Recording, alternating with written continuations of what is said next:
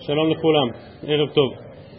אני חושב שאחרי שבוע שאנחנו עוסקים בו בעיקר בענייני טומאת מת, נדמה לי שלא ציינתי לאורך כל השבוע שזה קצת קצת ענייני דיומא, שכן בשבת שעברה עוד קראנו פרשת פרה, ולכן עכשיו בחמישי בערב, רגע לפני שאנחנו מגיעים לפרשת החודש, אז יש לנו הזדמנות להזכיר שדיני טומאה וטהרה שעסקנו בהם הם בעצם אה, פרשת, פרשת חוקת, שנקרא בשבת שעברה, אבל אני לא מזכיר את זה סתם, משום שמדרש הלכה על הפסוקים הללו בפרשת חוקת, והשאלה במה יש או אין טומאת מת, אה, מדרש הלכה כזה נמצא בסוגיה שבעזרת השם נלמד הערב. אז אנחנו עצרנו אתמול בגמרא בדף נ"ג עמוד ב' בתחילת העמוד בנקודותיים, ואנחנו עוברים לטומאה הבאה שנזיר מגלח עליה, כך נאמר במשנה על עבר מן המת ועל עבר מן החי, אלא שלגבי שניהם יש תנאי וזה שיש עליהן בשר כראוי.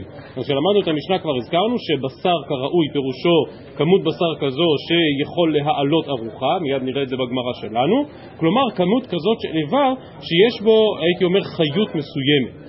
ורק ככה, כאשר האיבר יש בו כמות מסוימת של בשר, אפשר לומר שיש בו ייצוג מסוים של המת, ואם אכן יש בו ייצוג מסוים של המת, אזי זו מן הטומאות שהנזיר מגלח עליהן, ובהקשר הזה הגמרא כאן מסתפקת בספק עקרוני במחלוקת בין רבי יוחנן וריש לקיש. אומרת הגמרא, נ"ג עמוד ב' בנקודותיים למעלה, אין עליהן בשר כראוי מים. טוב, לכאורה מפורש במשנה, מתי הנזיר מגלח? כשיש עליהם בשר כראוי, אז אם אין עליהם בשר כראוי, אז הנזיר לא מגלח, לכאורה זה בדיוק מה שכתוב במשנה. והתוספות כאן מסבירים יותר מה, מה שורש הספק, אומרים תוספות, הוודאי דעל אהילו לא יגלח כדקתני במתניתין, דווקא כשיש עליהם בשר כראוי, אלא במגעו ובמסעו. התוספות אומרים שלא יכול להיות שהגמרא מעלה שאלה על דבר שהוא כל כך פשוט במשנה. המשנה אומרת שעבר מן החי ועבר מן המת, הנזיר מגלח עליהם. וכמו כל דבר אחר שיש בו טומאת מת, יש בהם גם טומאת אוהל, אז אם הנזיר נכנס לאוהל שיש בו עבר מן החי או עבר מן המת, אז הוא נטמע. ולכן מסבירים התוספות שכל מה שהגמרא שואלת אין עליהם בשר כראוי, ברור שאין בו טומאת אוהל. השאלה האם איבר מן המת, שאין עליו בשר כראוי, לפחות טומאת מגע ומסע תהיה בו. איפה מצאנו הבחנה בין מגע ומסע לבין אוהל? כבר הזכרנו כמה פעמים. בעצם כשעורה, כלומר עצם כשעורה באמת אין בה טומאת אוהל, אבל אם הנזיר נגע בה או נשא אותה, אז ודאי שיש כאן טומאה לכל דבר ועניין והנזיר מגלח עליה, ואם כן זה יהיה הספק גם לגבי איבר שאין עליו בשר כראוי. אלא שממה שאמרתי עכשיו בשם התוספות, וזה מה שהתוספות אומרים בהמשך דבריהם, אז בעצם לא ברור מה הספק או מה השאלה, מדוע? משום שאם באמת אין עליו בשר כראוי, אבל אבל יש בו עצם, לא, לפחות יש עצם כשעורה, אז גם אם לא יהיה טומאתו, לפחות תהיה טומאת מגע. וזה בעצם יסוד המחלוקת בין רבי יוחנן לבין ריש לקיש, כפי שנראה מיד. ובכן, אני קורא שוב. אין עליהן בשר כראוי מים. רבי יוחנן אמר, אין הנזיר מגלח עליהם. שמשמע במשנה. ריש לקיש לעומת זאת אומר, גם אם אין עליהם בשר כראוי, הנזיר מגלח עליהם. שוב, לא אם הוא נכנס לאוהל שיש שם את הדבר הזה, אבל לפחות אם הוא נגע או נשא. רבי יוחנן אמר אין הנזיר מגלח עליהם דעה קטני ברישא על עבר מן המת ועל עבר מן החי וכולי שיש עליהם כזית בשר אם אבל אין עליהם לא כמו שהדגשנו זה פשט המשנה כי המשנה בכוונה אומרת דווקא כשיש עליהם בשר קרוי משמע שאם אין עליהם אז הנזיר לא מגלח עליהם רב שמעון בן חולק ואומר מגלח מדלא קטני בסייפא בסייפא היינו המשנה הבאה כאן דף נ"ד שבעזרת השם נראה עוד מעט שהמשנה מונה, המשנה בדף נ"ד עמוד א' פותחת במילה, מי מהר מדפדף? אפילו לא צריך לדפדף, המשנה פותחת במילה אבל. כלומר, אחרי שראינו את כל הרשימה של הדברים שנזיר מגלח עליהם, עכשיו נגיד לך על מה נזיר לא מגלח. אומר יש לקיש, רק מה שנמנה כאן במשנה בדף נ"ד עמוד א', על זה הנזיר לא מגלח. ותכף נראה את ה... או עוד כמה דקות נראה את הרשימה שבדף נ"ד עמוד א', ולא כתוב שם עבר שאין עליו בשר כראוי. ולכן אומר יש לקיש, מדלא קטני בסייפא, מזה שהוא לא מופיע ברשימה של המשנה בדף נ"ד, של הטומאות שהנזיר אינו מגלח עליהם, משמע שאפילו אם אין עליו בשר כראוי, הנזיר עדיין מגלח. יוחנן אמר לך, לא, לא צריך לומר את זה במשנה בדף נ"ד, כל היכא דמשמע מכללה, לא קטני בסייפא. כלומר, כל דבר שמשמע מאליו מהרשימה במשנה הראשונה, מהרשימה שאומרת על מה הנזיר כן מגלח, לא צריך לחזור ולשנות את זה פעם נוספת בספר. שואלת הגמרא באמת, והא למשל חצי קו עצמות שדיברנו בו בהרחבה רבה אתמול, דמשמע חצי קו עצמות אין, רוב העצמות לא, כלומר אחרי שאמרת שנזיר מגלח על חצי קו, ממילא אני יכול לשער שאם יש פחות מחצי קו, למשל רוב הקו מה הדין מגלח או לא? מה? מגלח? לא מגלח. נו, אז למה המשנה בדף נ"ד כן אומרת רוב העצמות? נו, ברור שהוא לא מגלח על רוב העצמות. אם אמרת במשנה הקודמת שהוא מגלח על חצי קו, משמע שעל רוב הקו הוא לא מגלח, אז למה המשנה בדף נ"ד צריכה לומר את זה שוב? וכך מקשה אה, ריש לקיש על רבי יוחנן. רבי יוחנן אמר, זה לא נמנה במשנה בדף נ"ד כי זה מיותר, כי זה כבר מובן מהמשנה הקודמת. בא רבי יוחנן, בא ריש לקיש ואומר לו, לא נכון, יש הרבה דברים שמובנים מהמשנה הקודמת, ובכל זאת חזרו ונשנו פעם נוספת. אז אני קורא שוב, שואל ריש לקיש את רבי יוחנן, והחצי קו עצמות, דמשמע, מהמשנה על מה נזיר מגלח, שחצי קו עצמות אין רוב העצמות לא, ובכל זאת קטני בסיפא פעם נוספת, שנזיר צריך לגלח על רוב העצמות. משיב רבי יוחנן לריש לקיש ואומר, הטם אילב רוב העצמות, אם לא הייתי אומר לך בפירוש שנזיר אינו מגלח על רוב העצמות, הווה אמינא אפילו על מגעו ועל מסעו לא. כלומר היית יכול להבין שברוב העצמות אין טומאה בכלל, וזה לא נכון. נזיר לא מגלח על רוב העצמות כש... כשמדובר על טומאת אוהל. אבל אם הוא נוגע, הוא נוגע או נושא, ודאי שיש בזה טומאה, שכן לא יהיה גרה, כמו שאמרנו מקודם, לא יהיה גרה, מעצם כשעורה, שגם עליה אם הוא נוגע או נושא אז הוא צריך לגלח הכל. ולכן רוב העצמות צריך לחדש, לאחי צריך למית לרוב העצמות, דעל האילנו דאין הנזיר מגלח. בסדר, אז בואו נקרא את זה שוב. הטה מילב רוב העצמות, הווה אמינא, אפילו על מגעו ועל מסעו לא. לאחי צריך למיתני רוב העצמות, דעל אהילנו דאין הנזיר מגלח, ואם הוא רוצה, וכשאנחנו רוצים שיגלח על תומת אוהל, זה דווקא כאשר יש חצי קו עצמות. ולכן זה נשנה פעמיים, גם במשנה שאומרת על מה הנזיר כן מגלח, וגם במשנה שאומרת על מה הנזיר לא מגלח. ועוד מקשה ריש לקיש לרבי יוחנן, והחצי לא קדם. שוב, חצי לא קדם מן הדברים שהנזיר כן מגלח עליהם, ומזה שמט מן מאלה שחצי לא קדם אין, אבל רביעי דם לא, ובכל זאת קטנה בסיפא במשנה הבאה שברביעי דם הנזיר לא מגלח. שוב, למה אתה צריך לומר את זה? כבר אמרת במשנה הקודמת שהוא כן מגלח על חצי לוג. אז מזה משמע שהוא לא מגלח על רבע לוג. ושוב עונה הגמרא, וכל פעם אני אומר נגיע לזה, נגיע לזה, כי באמת נגיע לזה, זה פשוט המשנה האחרונה בפרק. הטעם לאפוקי מדי רבי עקיבא, דאמר רבי עקיבא רביעי דם הבא משני מתים מטמא באוהל. היות שלרבי עקיבא יש השקפה מיוחדת על רביעי דם, שכן יש פה טומאת אוהל, ויכול להיות שהנזיר כן מגלח עליו, שוב, בכפוף להלכה למשה מסיני שבסיום הפרק, שעוד נדבר, אבל רביעי דם מצאתי צורך לשנות את זה בפירוש גם במשנה השנייה. ללמד לך שנזיר לא מגלח על רביעית דם, למרות שלדעת רבי עקיבא, אפילו אם זה לא רביעית דם ממת אחד, אפילו אם זה רביעית דם הבא משני מתים, גם אז באמת הנזיר, אה, גם אז יש בזה טומאת אוהל לכל דבר ועניין. ולכן, סוף דבר, רבי יוחנן לשיטתו אומר, ברור שעבר שאין עליו בשר כראוי, הנזיר לא מגלח עליו. כי זה מופיע ברשימה הראשונה, וממילא נשמע שמה שאין עליו בשר כראוי, הנזיר לא מגלח. ריש לקיש לעומת זאת אומר לו, היות שזה חסר מן הרשימה השנייה, היות שזה חסר מן המשנה השנייה, על כורחנו שאפילו עבר שאין עליו בשר כראוי, גם כן הנזיר מגלח. כמו שאמרתי, אז השאלה הגדולה, אם אין עליו בשר כראוי, אז בעצם מדין מה הנזיר מגלח? זו השאלה ששואלת הגמרא עכשיו. היי איבר מן המת, שחלוקים עליו רבי יוחנן וריש לקיש, היחידה. אי דאית בעצם כסאורה. כלומר, אמרת שבשר אין עליו, בסדר. לא כזית בשר ואפילו לא בשר להעלות ארוחה, בסדר. אבל אם יש בו עצם כשעורה, אז מה הייתה מדי רבי יוחנן? הרי כמו שהדגשנו, כמו שהדגישו התוספות, גם ריש לקיש מודה שמה זאת אומרת שמגלחים על איבר כזה? על מגעו ומסעו, לא שיש בו טומאת אוהל. נו, אז אומרת הגמרא, אם יש בו עצם כשעורה, אז מה הייתה מדי רבי יוחנן? סוף כל סוף יש בו עצם כשעורה. שנזיר מגלח עליה במגע ובמסע ולא באוהל, אז למה הוא חולק על ריש לקיש?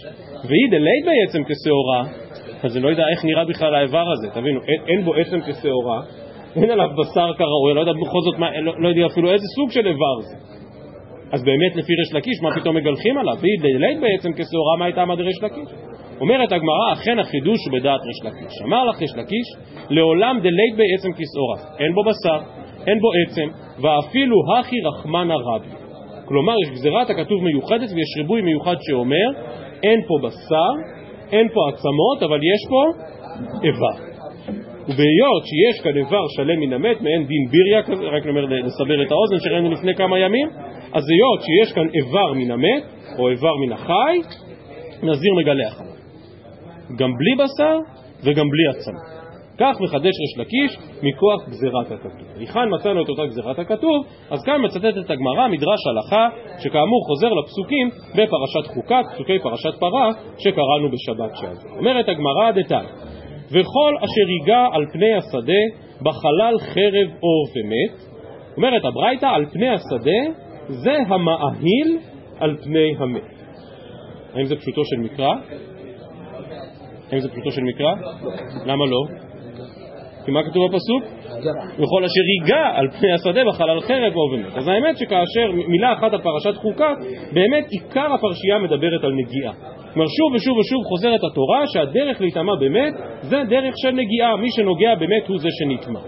אמנם בפסוק י"ד אנחנו מוצאים זאת התורה אדם כי ימות באוהל כל הבא אל האוהל וכל אשר באוהל נקמה שבעת ימים אבל זה נראה קצת כיוצא מן הכלל כלומר הטומאה הרגילה היא טומאת מגע ויש עוד טומאה אחת מיוחדת שנתחדשה בנזיר והיא טומאת אוהל שנשנית בפסוק י"ד וט"ו.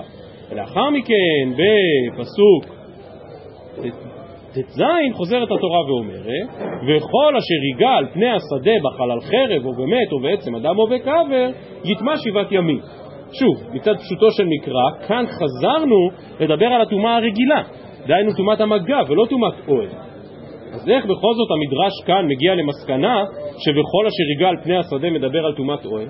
אז מעניין שדווקא התוספות כאן, לא תמיד התוספות מעירים על דברים כאלה, אבל דווקא כאן התוספות כן העירו ושאלו איך זה מסתדר עם פשוטו של מקרא, ואומרים תוספות כאן לפנינו כך: על פני השדה זה המאהיל על פני המת, מדלא כתיב אשר ייגע במת, אלא על דמשמע דמאהיל מים.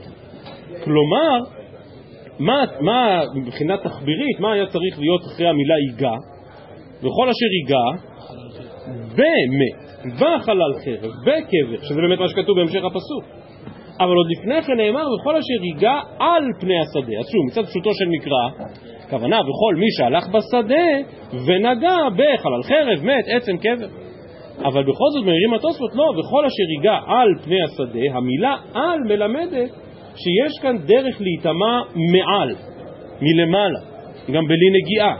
דהיינו, על ידי טומאת ולכן גם הפסוק הזה, כמו פסוק י"ד שדיבר בפירוש על אדם כי ימות באוהל, גם וכל אשר יגע על פני השדה, מכוון לטומאת אוהל. ובכן אני חוזר לברייתא שלנו, דדני, וכל אשר יגע על פני השדה בחלל חרב ובמת, על פני השדה זה המהיל על פני המת, בחלל זה עבר מן החי ויש לו להעלות ארוחה. זה לא הדיון שלנו עכשיו, על זה אין מחלוקת. כאשר מדובר על עבר שיש בו מספיק בשר כדי להעלות ארוחה, זה כבר עבר חשוב, משמעותי, מייצג את המת, ולכן ברור שיש בו טומאה.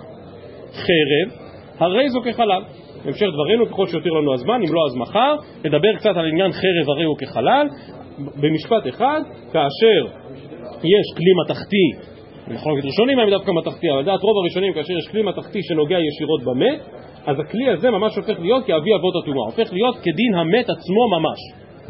וזו המשמעות של דין חרב הרי הוא כחלל, לא, כנראה לא, לא בכדי חז"ל דורשים את זה דווקא על חרב. התפיסה היא שחרב שממש שימשה להרוג אדם, שמישהו נדקר בחרב, אז כאילו החרב הזו דינה כמו המת ממש. אם כן, זה הדין של חרב הרי הוא כחלל, מה בדיוק ההיקף שלו ומה זה קשור להלכות נזירות? שוב, ככל שנספיק כאן את הסוגיה בדף נ"ד עמוד ב', אם לא, אז בעזרת השם מחר.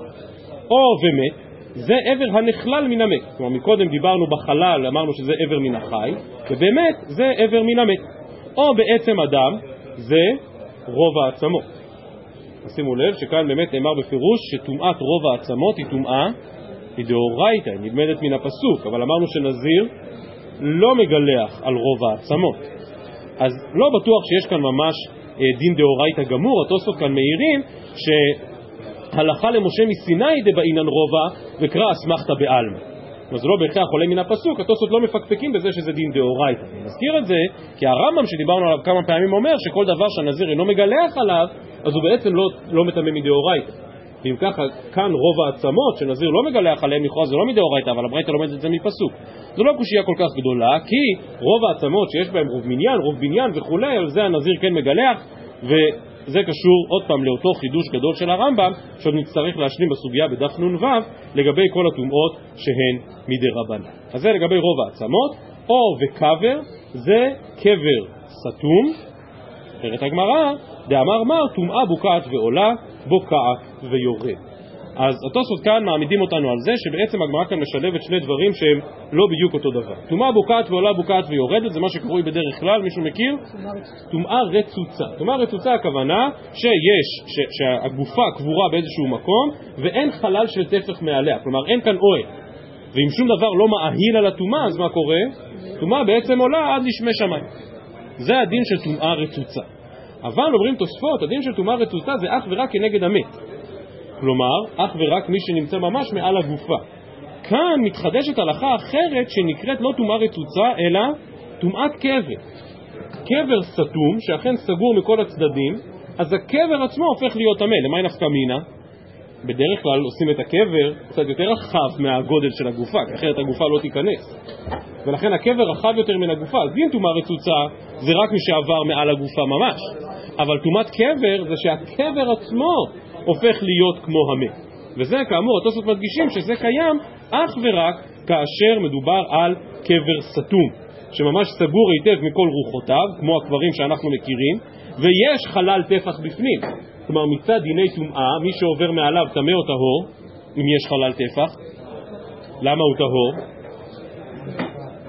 כי זה מאהיל, כי יש אוהל מעל המת, והאוהל הזה בעצם בולם את הטומאה מלעלות למעלה. כלומר, אם אין חלל טפח, אז אין אוהל שמכסה על המת, אז זה הדין של טומאה רצוצה שעולה עד לרקיע. אבל כאשר יש חלל טפח, אז לכאורה זה אמור לבלום את זה. על זה באה התורה ומחדשת את הדין של קבר. שכאשר הקבר אכן סתום מכל, מכל צדדיו, אז הוא הופך להיות כמו המת עצמו. אני מכיר את לשון התוספות כאן, נ"ג עמוד ב', ואין לומר דהיינו שאין בו פותח טפח, דהוא אבו טומאה רצוצה ולא מטמא לה כנגד גופו של מת. אבל אחא אירינן דהקבר עצמו מטמא אפילו שלא כנגד המת. אלא הכא איירי בקבר סתום בכל רוחותיו, ויש בו פותח טפח בינו לבין המת. יש חילוק בטומאה רצוצה שהקבר עצמו מטמא באוהל אפילו שלא כנגד המת. ואני מדלג טיפה, והביא רבנו שמשון, הרש משנץ, ראיה מפרק ז' דאוהלות, שאם יש נפש אטומה הנוגע בה מן הצדדים טהור, מפני שהטומאה בוקעת ועולה בוקעת ויורדת. כלומר, אם אין חלל טפח ואין הדין של קבר, אז הטומאה עולה רק למעלה ולמטה ולא מטמאת מהצדדים. לעומת זאת, אם היה מקום הטומאה טפח על טפח, טמא מפני שהוא כקבר סתום, שבעצם מטמא מכל צדדיו, וזה הדין שמתחדש כאן לגבי טומאת קבר. יפה. לענייננו, עדיין לא הוכחנו שום דבר. למה? כי הברייתא הזאת רק מנתה את הדברים שיש בהם טומאה גמורה, והזכירה גם עבר מן המת, גם עבר מן החי, ש... שיש עליהם בשר כראוי. אז זה עוד לא קשור למחלוקת רבי יוחנן וריש לקיש. ממשיכה הגמרא נ"ד עמוד א' למעלה ואומרת, ואילו גבי נגיעה אמר רב יהודה תניא, וכל הנוגע בעצם, או בפסוק כתוב ועל הנוגע בעצם או בחלל, בעצם זה עצם כשעורה, או בחלל זה עבר הנכלל מן החי ואין בו להעלות ארוחה, או במת זה עבר הנכלל מן המת, או בקבר, אמר יש לקיש, זה קבר שלפני הדיבור. אז מיד נסביר מה זה קבר שלפני הדיבור, אבל לענייננו, אומרת הגמרא, שהנה, אתה רואה שיש ברייתא נוספת שמרבה טומאה לא רק בעבר שיש עליו בשר כראוי, אלא גם בעבר שאין עליו בשר כראוי. אומר יש לקיש, אמר יש לקיש, אה, היי עבר מן המת, היכי דמי. דאי דאית בי עצם כסעורה, אז היינו נוגע בעצם, זה נזכר בפירוש בברייתא. אלא דלית בי עצם כסעורה, ואפילו הכי רחמנה רק. מכאן הוכיח יש לקיש את מה שהוא רצה. כלומר, בברייתא הראשונה נאמר שעבר מן המת או עבר מן החי שיש עליו בשר קרוי יש בו טומאה, אבל אז באה הברייתא השנייה ואומרת, דע לך שגם עבר שאין עליו בשר כראוי ואין בו לעלות ארוחה, גם בו יש טומאה. שואל ריש לקיש את רבי יוחנן, אם מדובר על איבר שיש בו עצם כשעורה, אז מה הברייתא מחדשת? הרי הברייתא הזו מונה בנפרד שעצם כשעורה מטמאת במגע ובמסע. על כורחנו שמה הברייתא הזו רוצה לומר? שבדיוק כמו שעצם כשעורה מטמאת במגע ובמסע אבל לא מטמאת באוהל, ככה גם באיבר יש דין של טומאת איברים. ואיבר מטמא במגע ובמסע, הגם שאיננו מטמא באוהל. וזה דין מיוחד, גזירת הכתוב מיוחדת לגבי איברים, כך מסביר ריש לקיש את שיטתו. טוב, אז לכאורה באמת ברייתא מפורשת. אי אפשר להבין את הברייתא השנייה בסוגיה בלי ריש לקיש. אמר לך רבי יוחנן, מתרץ רבי יוחנן, לעולם דאית בי. כלומר, גם הברייתא השנייה מדברת על איבר שאולי אין עליו בשר כראוי, אבל יש בו לפחות עצם כשעורה, ואם אינו עניין למגעו, תנאו עניין למסעו. שכן, מה נאמר בברייתא? בעצם זה עצם כשעורה. בעצם מה? ועל הנוגע בעצם או בחלל. כלומר, מה חידשנו? שמי שנגע בעצם כשעורה באמת נטמע. כמו שאנחנו דקלמנו כמה פעמים, עצם כשעורה מטמאת לא רק במגע, אלא מטמאת גם במסע. מסע הוא קצת באמצע בין מגע לבין אוהל. למה מסע דומה לאוהל? מה הצד השווה לשניהם? שאין מגע ישיר במה? למה מסע בכל זאת קרוב יותר למגע? כי המפגש שלנו כנראה ישיר יותר. זה לא שאנחנו נמצאים רק בחלל אחד, אלא זה ממש עליי. אני לא נוגע בזה, אבל זה עליי. ובכן, מניין לא לרבי יוחנן, או מניין, לא רק לרבי יוחנן, גם לדידן, להלכה. מניין שעצם כשעורה מטמאת לא רק במגע אלא גם במסע, את זה הוא לומד מאותה גזירת הכתוב של איבר שאין עליו בשר כראוי. כלומר, אין עליו בשר כראוי, אבל יש בו עצם כשעורה.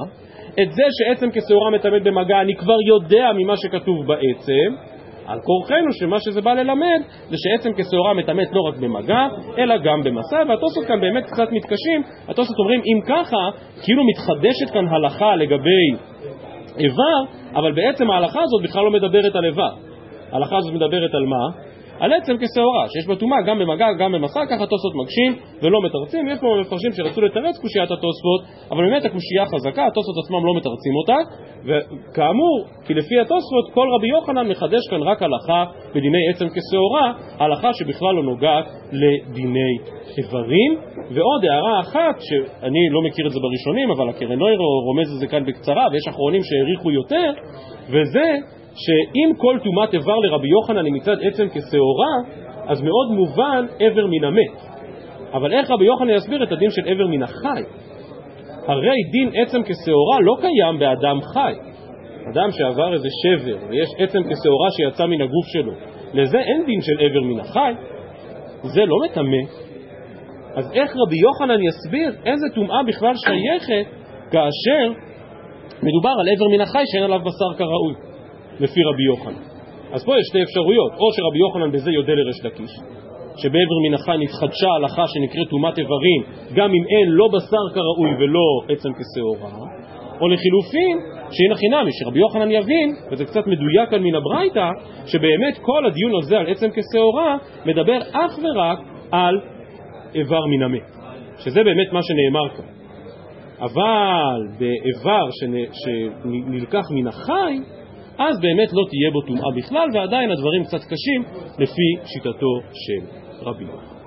אז עד כאן מחלוקת רבי יוחנן וריש לקיש, כאמור איך להבין דין של איבר שאין עליו בשר כראוי. בסיכומו של דבר לפי ריש לקיש, באיבר שאין עליו בשר כראוי יש חידוש מיוחד שנקרא טומאת איברים, ולעומת זאת לפי רבי יוחנן, באיבר שאין עליו בשר כראוי יש טומאה אך ורק אם יש בו עצם כשעורה, ובעצם הלכותיו כדין עצם כשעורה. אז רק השלמה אחת שאמרתי שנשלים, בברייתא השנייה אנחנו לומדים על טומאת עצם כשעורה, על טומאת איבר שאין עליו בשר, או בקבר, אמר ריש לקיש, זה קבר שלפני הדיבור.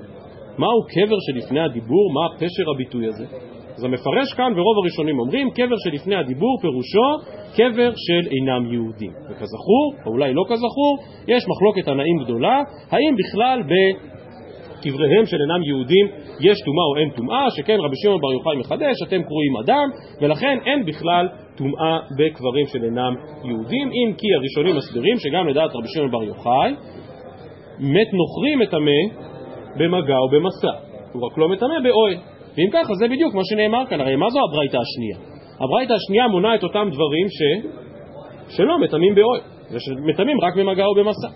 ואחד מהם הוא באמת קברי אינם יהודים, כי קברי אינם יהודים אינם מטמאים באוהל, אלא מטמאים במגע או במסע, זו משמעות הביטוי קבר שלפני הדיבור, למה זה נקרא לפני הדיבור?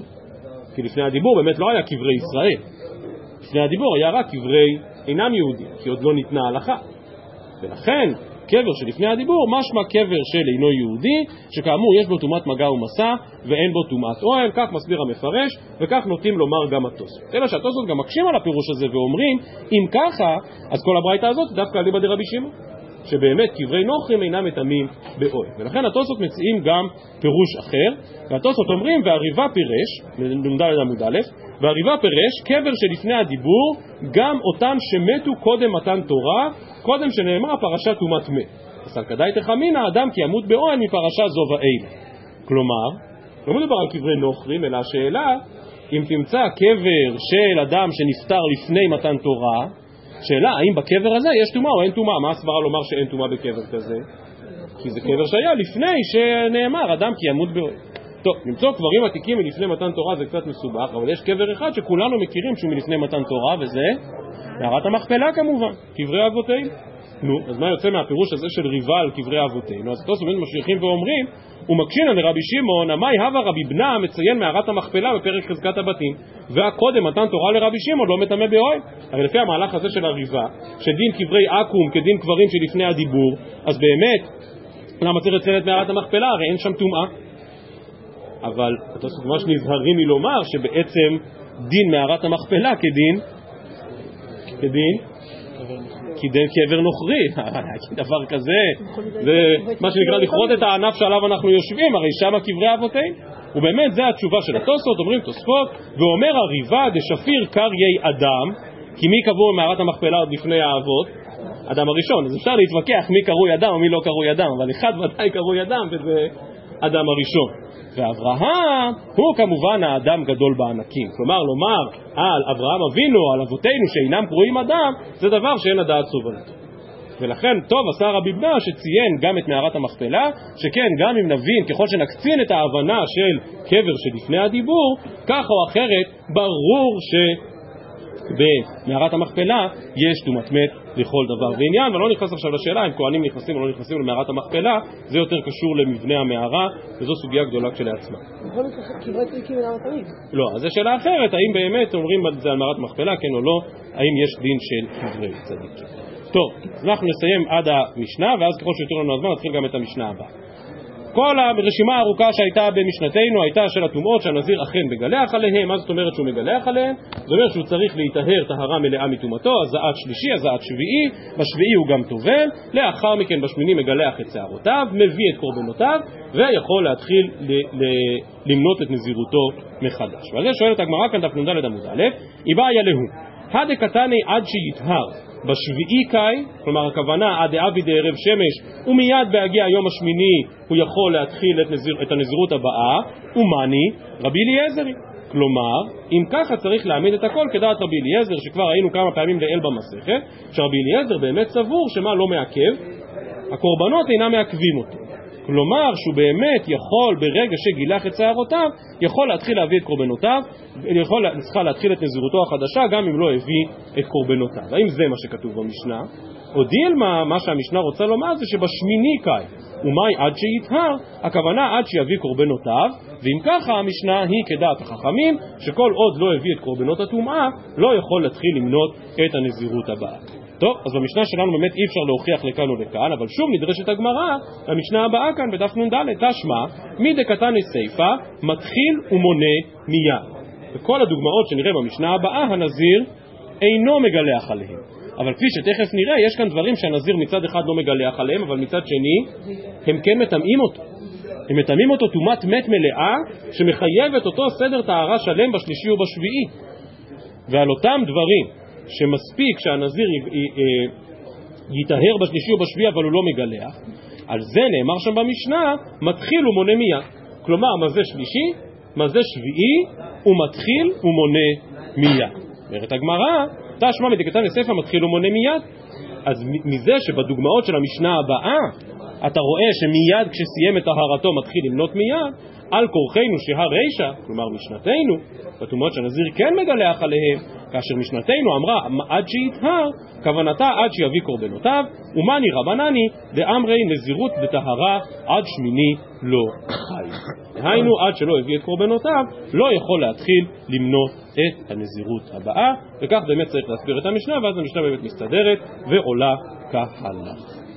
זה. אז עד כאן אריכות הדברים לגבי הטומאות שהנזיר מגלח עליהן, אבל דומני שהמשנה הבאה, הטומאות שהנזיר אינו מגלח עליהן, היא אפילו עוד יותר מורכבת ועוד יותר מסובכת, בגלל אותו רמב"ם שהזכרתי שוב ושוב ושוב. דהיינו, בגלל השאלה מה המכנה המשותף, מה הצד השווה לאותן טומאות שאין לנזיר מגלח. אז כפי שנראה מיד, והזכרתי את זה גם בתחילת הפרק, חלק מן הטומאות כאן במשנה בדף נ"ד עמוד א', ברור למה הנזיר לא מגלח עליהם, משום ש... של מדי רבנן, מדובר פה על כל מיני חומרות מדי רבנן, כל מיני דברים שוודאי אין בהם טומאת דאורייתא, ואז הנזיר לא מגלח. חלק מן הדברים שיש כאן במשנה לכאורה יש בהם טומאה דאורייתא ואז צריך להידרש להלכה למשה מסיני מיוחדת שאומרת שיש טומאות דאורייתא גמורות שבכל זאת הנזיר לא מגלח.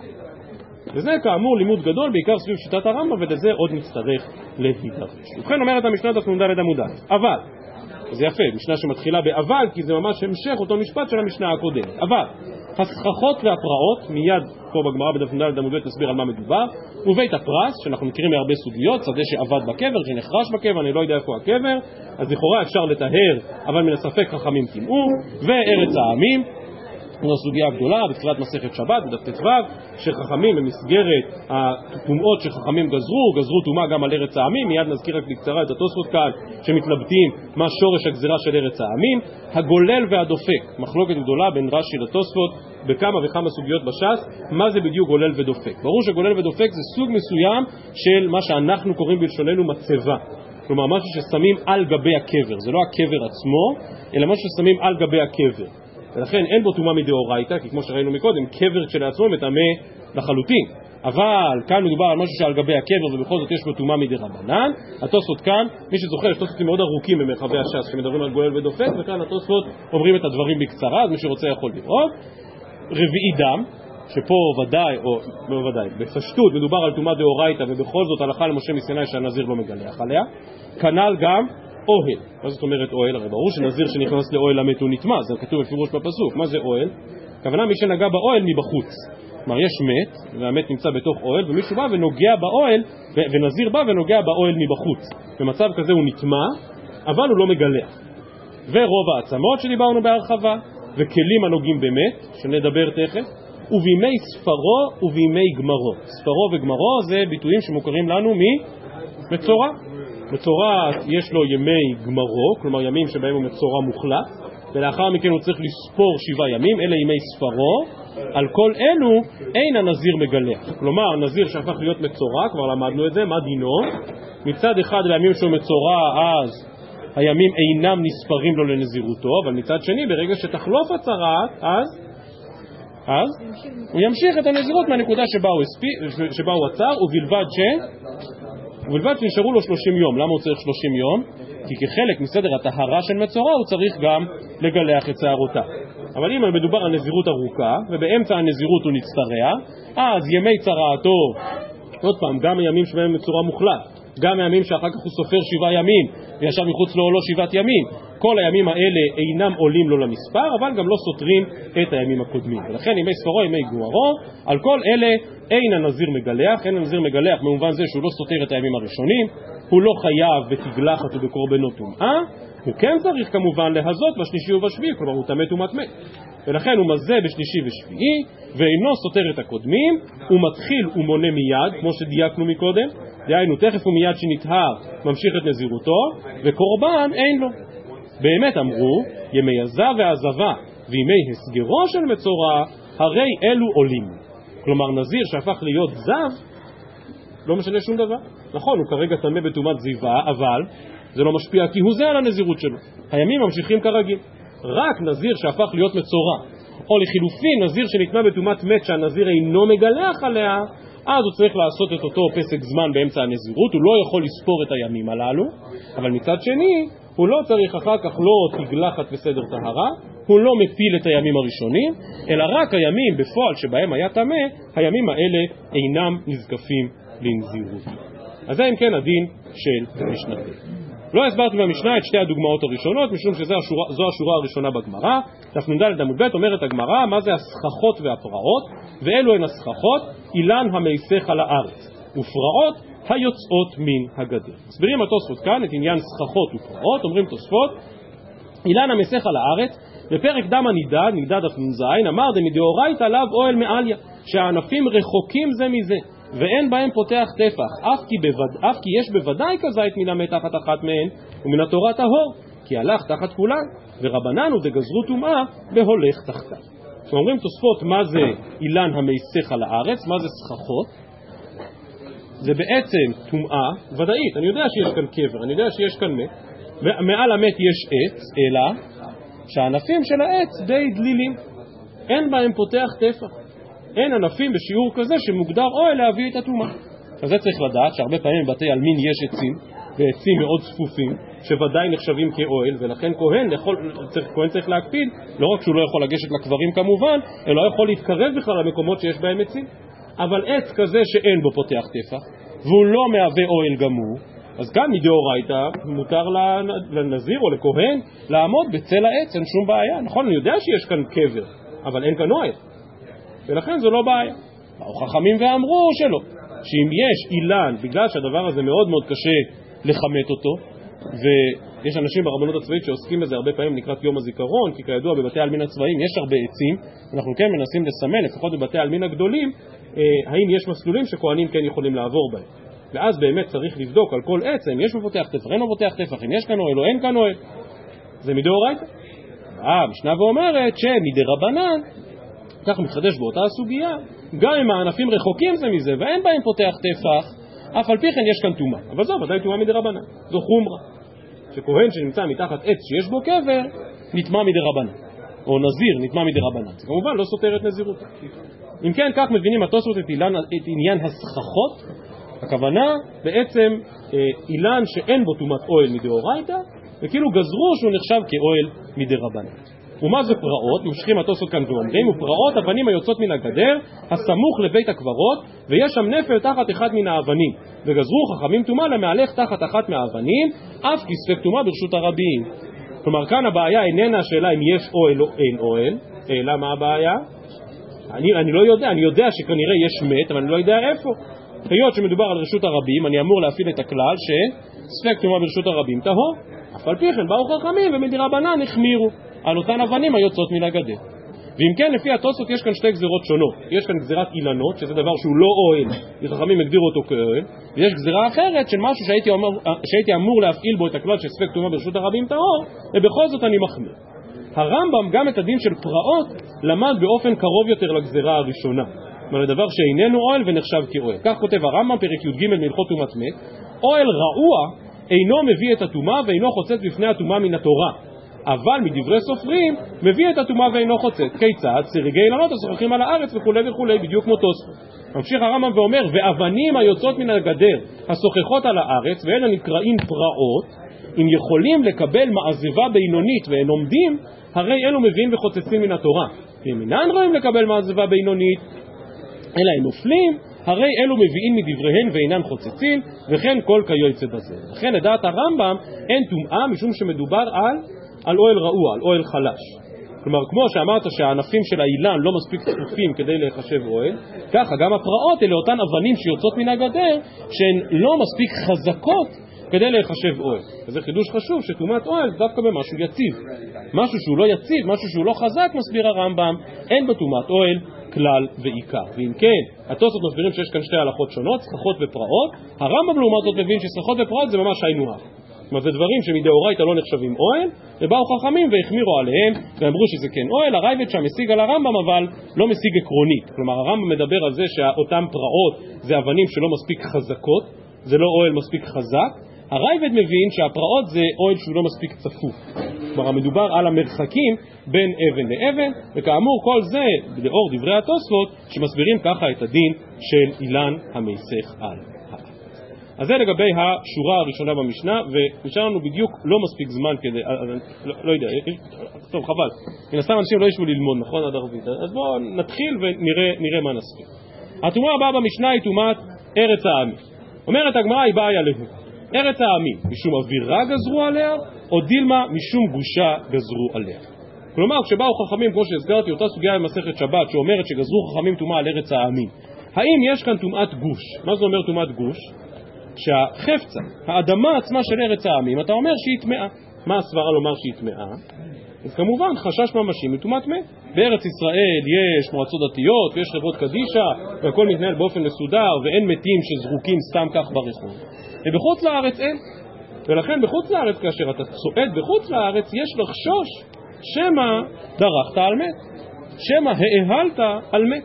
אז זה לא רק קבורה לא מבוקרת, אלא כמו שמזכירים כאן התוספות, חלק מן הטומאה של ארץ העמים קשורה לעובדה, אני מקריא כאן בתוספות, משום גושה דווקא המעיל על גושה גזרו כמי שמעיל על המת מפני מתי מבול או מפני רוב מישראל שנהרגו בחוץ לארץ. כלומר לצערנו אדמת חוץ לארץ ספוגה בדם בדם יהודי, בדם מתי מבול, חוזר לשאלה מקודם של טומאת אה, בני נוח וכולי וכולי. טוב, דיון גדול כשלעצמו, אבל זה המשמעות של טומאת גוש. כלומר שיש כאן חשש אמיתי בטומאה. לחילופין אומרת הגמרא, לא, טומאת ארץ העמים היא טומאת אווירה. מה זאת אומרת אווירה? כמו שאנחנו רגיל, שגור על לשוננו שאווירה דארץ ישראל מחכים, ככה אווירה דחוץ לארץ מטמא, למה נפקא מינה? נפקא מינה למה שלא מטמא באוהל. הזכרנו כמה פעמים את הפתרון של שידת איבה ומגדל.